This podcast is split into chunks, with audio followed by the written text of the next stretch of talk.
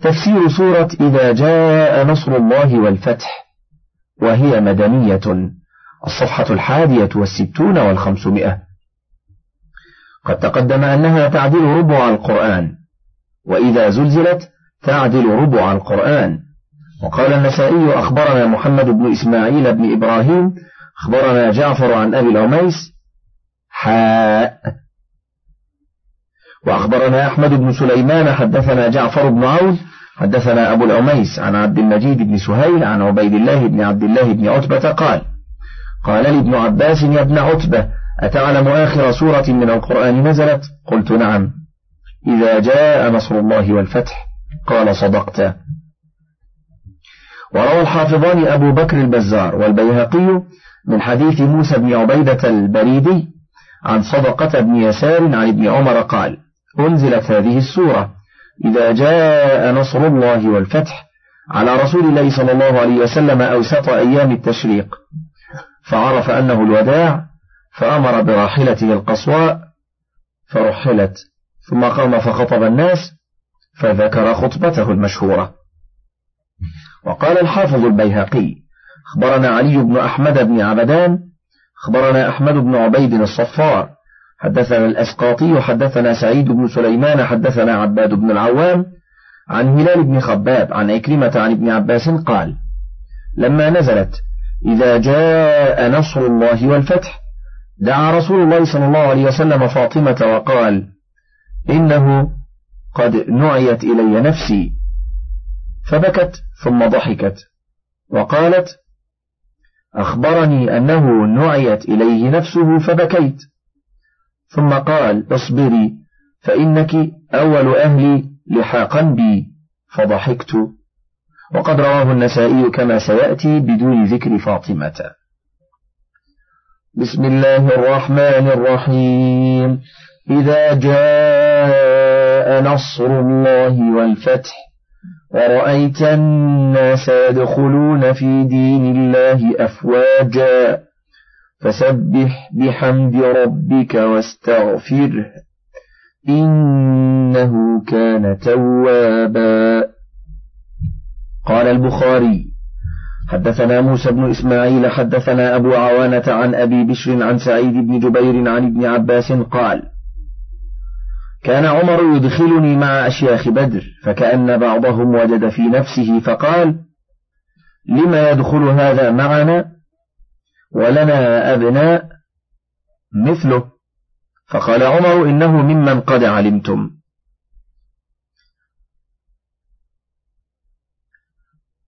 فدعاهم ذات يوم فأدخله معهم. فما رأيت أنه دعاني فيهم يومئذ إلا ليريهم. فقال ما تقولون في قول الله عز وجل إذا جاء نصر الله والفتح؟ فقال بعضهم أمرنا أن نحمد الله ونستغفره إذا نصرنا وفتح علينا وسكت بعضهم فلم يقل شيئا. فقال لي أكذلك تقول يا ابن عباس؟ فقلت لا. فقال ما تقول؟ فقلت هو أجل رسول الله صلى الله عليه وسلم أعلمه له. قال إذا جاء نصر الله والفتح فذلك علامة أجلك. فسبح بحمد ربك واستغفره إنه كان توابا.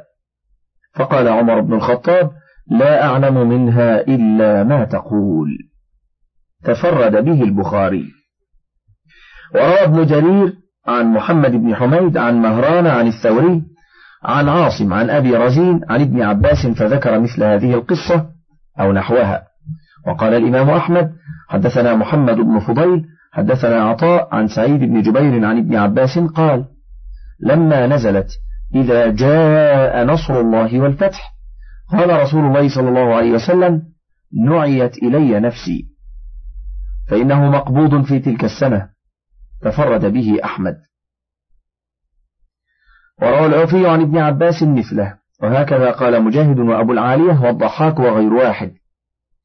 إنها أجل رسول الله صلى الله عليه وسلم نعي إليه.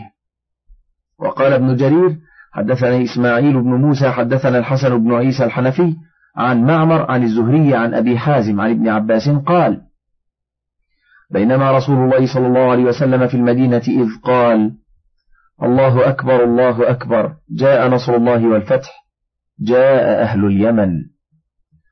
قيل يا رسول الله وما أهل اليمن؟ قال قوم رقيقة قلوبهم لينة طباعهم الإيمان يمان والفقه يمان والحكمة يمانية. ثم رواه ابن عبد الأعلى عن, عن ابن ثور عن معمر عن أكرمة مرسلا. وقال الطبراني حدثنا زكريا بن يحيى حدثنا أبو كامل الجحدري حدثنا أبو عوانة عن هلال بن خباب عن إكرمة عن ابن عباس قال لما نزلت إذا جاء نصر الله والفتح حتى ختم السورة. قال نعيت لرسول الله صلى الله عليه وسلم نفسه حين نزلت. قال فأخذ بأشد ما كان قط اجتهادا في أمر الآخرة. وقال رسول الله صلى الله عليه وسلم بعد ذلك جاء الفتح ونصر الله وجاء أهل اليمن. فقال رجل يا رسول الله وما أهل اليمن؟ قال قوم رقيقة قلوبهم لينة طباعهم الإيمان يمان والفقه يمان. وقال الإمام أحمد حدثنا وكيع عن سفيان عن عاصم عن أبي رزين عن ابن عباس قال لما نزلت إذا جاء نصر الله والفتح علم النبي صلى الله عليه وسلم أن قد نعيت إليه نفسه فقيل إذا جاء نصر الله والفتح السورة كلها.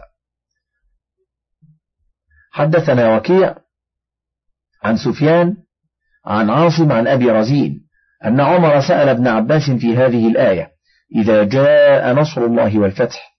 قال لما نزلت نعيت إلى رسول الله صلى الله عليه وسلم نفسه. وقال الطبراني حدثنا إبراهيم بن أحمد بن عمر الوكيعي حدثنا أبي حدثنا جعفر بن عون عن أبي العميس عن أبي بكر بن أبي الجهم عن عبيد الله بن عبد الله بن عتبة عن ابن عباس قال آخر سورة نزلت من القرآن جميعا إذا جاء نصر الله والفتح. وقال الإمام أحمد أيضا حدثنا محمد بن جعفر حدثنا شعبة عن عمرو بن مرة عن أبي البختري الطائي عن أبي سعيد الخدري أنه قال لما نزلت هذه السورة إذا جاء نصر الله والفتح قرأها رسول الله صلى الله عليه وسلم حتى ختمها. فقال الناس خير وأنا وأصحابي خير. وقال لا هجرة بعد الفتح ولكن جهاد ونية. فقال له مروان كذبت وعنده رافع بن خديج وزيد بن ثابت قاعدان معه على السرير. فقال أبو سعيد لو شاء هذان لحدثاك ولكن هذا يخاف أن تنزعه عن عرافة قومه وهذا يخشى أن تنزعه عن الصدقة. فرفع مروان عليه الدرة ليضربه فلما رأى ذلك قال صدق. تفرد به أحمد وهذا الذي أنكره مروان على أبي سعيد ليس بمنكر. فقد ثبت من رواية ابن عباس أن رسول الله صلى الله عليه وسلم قال يوم الفتح لا هجرة ولكن جهاد ونية ولكن إذا استنفرتم فانفروا. خرجه البخاري ومسلم في صحيحيهما. فالذي فسر به بعض الصحابة من جلساء عمر رضي الله عنهم أجمعين من أنه قد أمرنا إذا فتح الله علينا المدائن والحصون أن نحمد الله ونشكره ونسبحه يعني نصلي له ونستغفره. معنى مليح صحيح. وقد ثبت له شاهد من صلاة النبي صلى الله عليه وسلم يوم فتح مكة وقت الضحى ثماني ركعات. فقال قائلون هي صلاة الضحى. وأجيبوا بأنه لم يكن يواظب عليها فكيف صلاها ذلك اليوم؟ وقد كان مسافرا لم ينوي الإقامة بمكة. ولهذا أقام فيها إلى آخر شهر رمضان قريبا من تسعة عشر يوما يقصر الصلاة ويفطر هو وجميع الجيش. وكانوا نحو من عشرة آلاف. قال قال هؤلاء وإنما كانت صلاة الفتح. قالوا فيستحب لأمير الجيش إذا فتح بلدا أن يصلي فيه أول ما يدخله ثماني ركعات. وهكذا فعل سعد بن أبي وقاص يوم فتح المدائن. ثم قال بعضهم يصليها كلها بتسليمة واحدة. والصحيح أنه يسلم من كل ركعتين كما ورد في سنن أبي داود أن رسول الله صلى الله عليه وسلم كان يسلم يوم الفتح من كل ركعتين. وأما ما فسر به ابن عباس وعمر رضي الله تعالى عنهما من أن هذه السورة نعي فيها إلى رسول الله صلى الله عليه وسلم روحه الكريمة. واعلم أنك إذا فتحت مكة وهي قريتك التي أخرجتك ودخل الناس في دين الله أفواجا فقد فرغ شغلنا بك في الدنيا فتهيأ للقدوم علينا والوفود إلينا. فالآخرة خير لك من الدنيا ولسوف يعطيك ربك فترضى. ولهذا قال فسبح بحمد ربك واستغفره إنه كان توابا. قال النسائي أخبرنا عمرو بن منصور حدثنا محمد بن محبوب حدثنا أبو عوانة عن هلال بن خباب عن عكرمة عن ابن عباس قال لما نزلت إذا جاء نصر الله والفتح إلى آخر السورة قال نعيت لرسول الله صلى الله عليه وسلم نفسه حين أنزلت فأخذ في أشد ما كان اجتهادا في أمر الآخرة. وقال رسول الله صلى الله عليه وسلم بعد ذلك جاء الفتح وجاء نصر الله وجاء أهل اليمن. فقال رجل يا رسول الله وما أهل اليمن؟ قال قوم رقيقة قلوبهم لينة قلوبهم الإيمان يمان والحكمة يمانية والفقه يمان. وقال البخاري حدثنا عثمان بن أبي شيبة حدثنا جرير عن منصور عن أبي الضحى عن مسروق عن عائشة قالت كان رسول الله صلى الله عليه وسلم يكثر أن يقول في ركوعه وسجوده سبحانك اللهم ربنا وبحمدك اللهم اغفر لي يتأول القرآن. وأخرجه بقية الجماعة إلا الترمذي من حديث منصور به. وقال الإمام أحمد حدثنا محمد بن أبي عدي عن داود عن الشعبي عن مسروق قال قالت عائشة كان رسول الله صلى الله عليه وسلم يكثر في آخر أمره من قول سبحان الله وبحمده أستغفر الله وأتوب إليه. وقال إن ربي كان أخبرني أني سأرى علامة في أمتي وأمرني إذا رأيتها أن أسبح بحمده وأستغفره إنه كان توابا. فقد رأيتها إذا جاء نصر الله والفتح ورأيت الناس يدخلون في دين الله أفواجا فسبح بحمد ربك واستغفره. إنه كان توابا. ورواه مسلم من طريق داود بن أبي هند به. قال ابن جرير حدثنا أبو السائب حدثنا حفص حدثنا عاصم عن الشعبي عن أم سلمة قالت كان رسول الله صلى الله عليه وسلم في آخر أمره لا يقوم ولا يقعد ولا يذهب ولا يجيء إلا قال سبحان الله وبحمده. فقلت يا رسول الله رأيتك تكثر من سبحان الله وبحمده. لا تذهب ولا تجيء ولا تقوم ولا تقعد إلا قلت سبحان الله وبحمده. قال إني أمرت بها فقال إذا جاء نصر الله والفتح إلى آخر السورة. غريب. وقد كتبنا حديث كفارة المجلس من جميع طرقه وألفاظه في جزء مفرد فيكتبها هنا.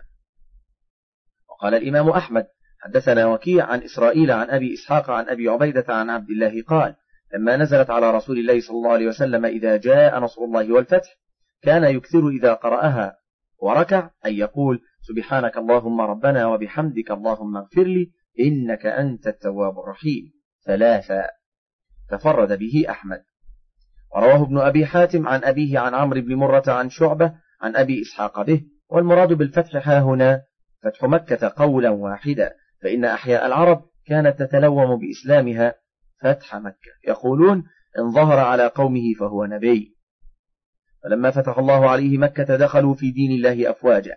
فلم تمضي سنتان حتى استوسقت جزيرة العرب إيمانا ولم يبق في سائر قبائل العرب إلا مظهر للإسلام ولله الحمد والمنة.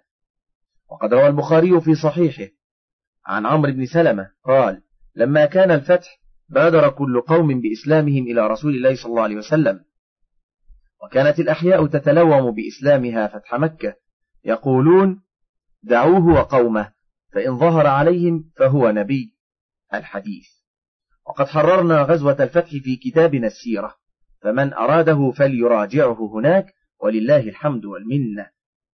وقال الإمام أحمد حدثنا معاوية بن عمرو حدثنا أبو إسحاق عن الأوزاعي حدثني أبو عمار حدثني جار لجابر بن عبد الله قال قدمت من سفر فجاءني جابر بن عبد الله فسلم علي فجعلت أحدثه عن افتراق الناس وما أحدثوا فجعل جابر يبكي ثم قال سمعت رسول الله صلى الله عليه وسلم يقول إن الناس دخلوا في دين الله أفواجا وسيخرجون منه أفواجا.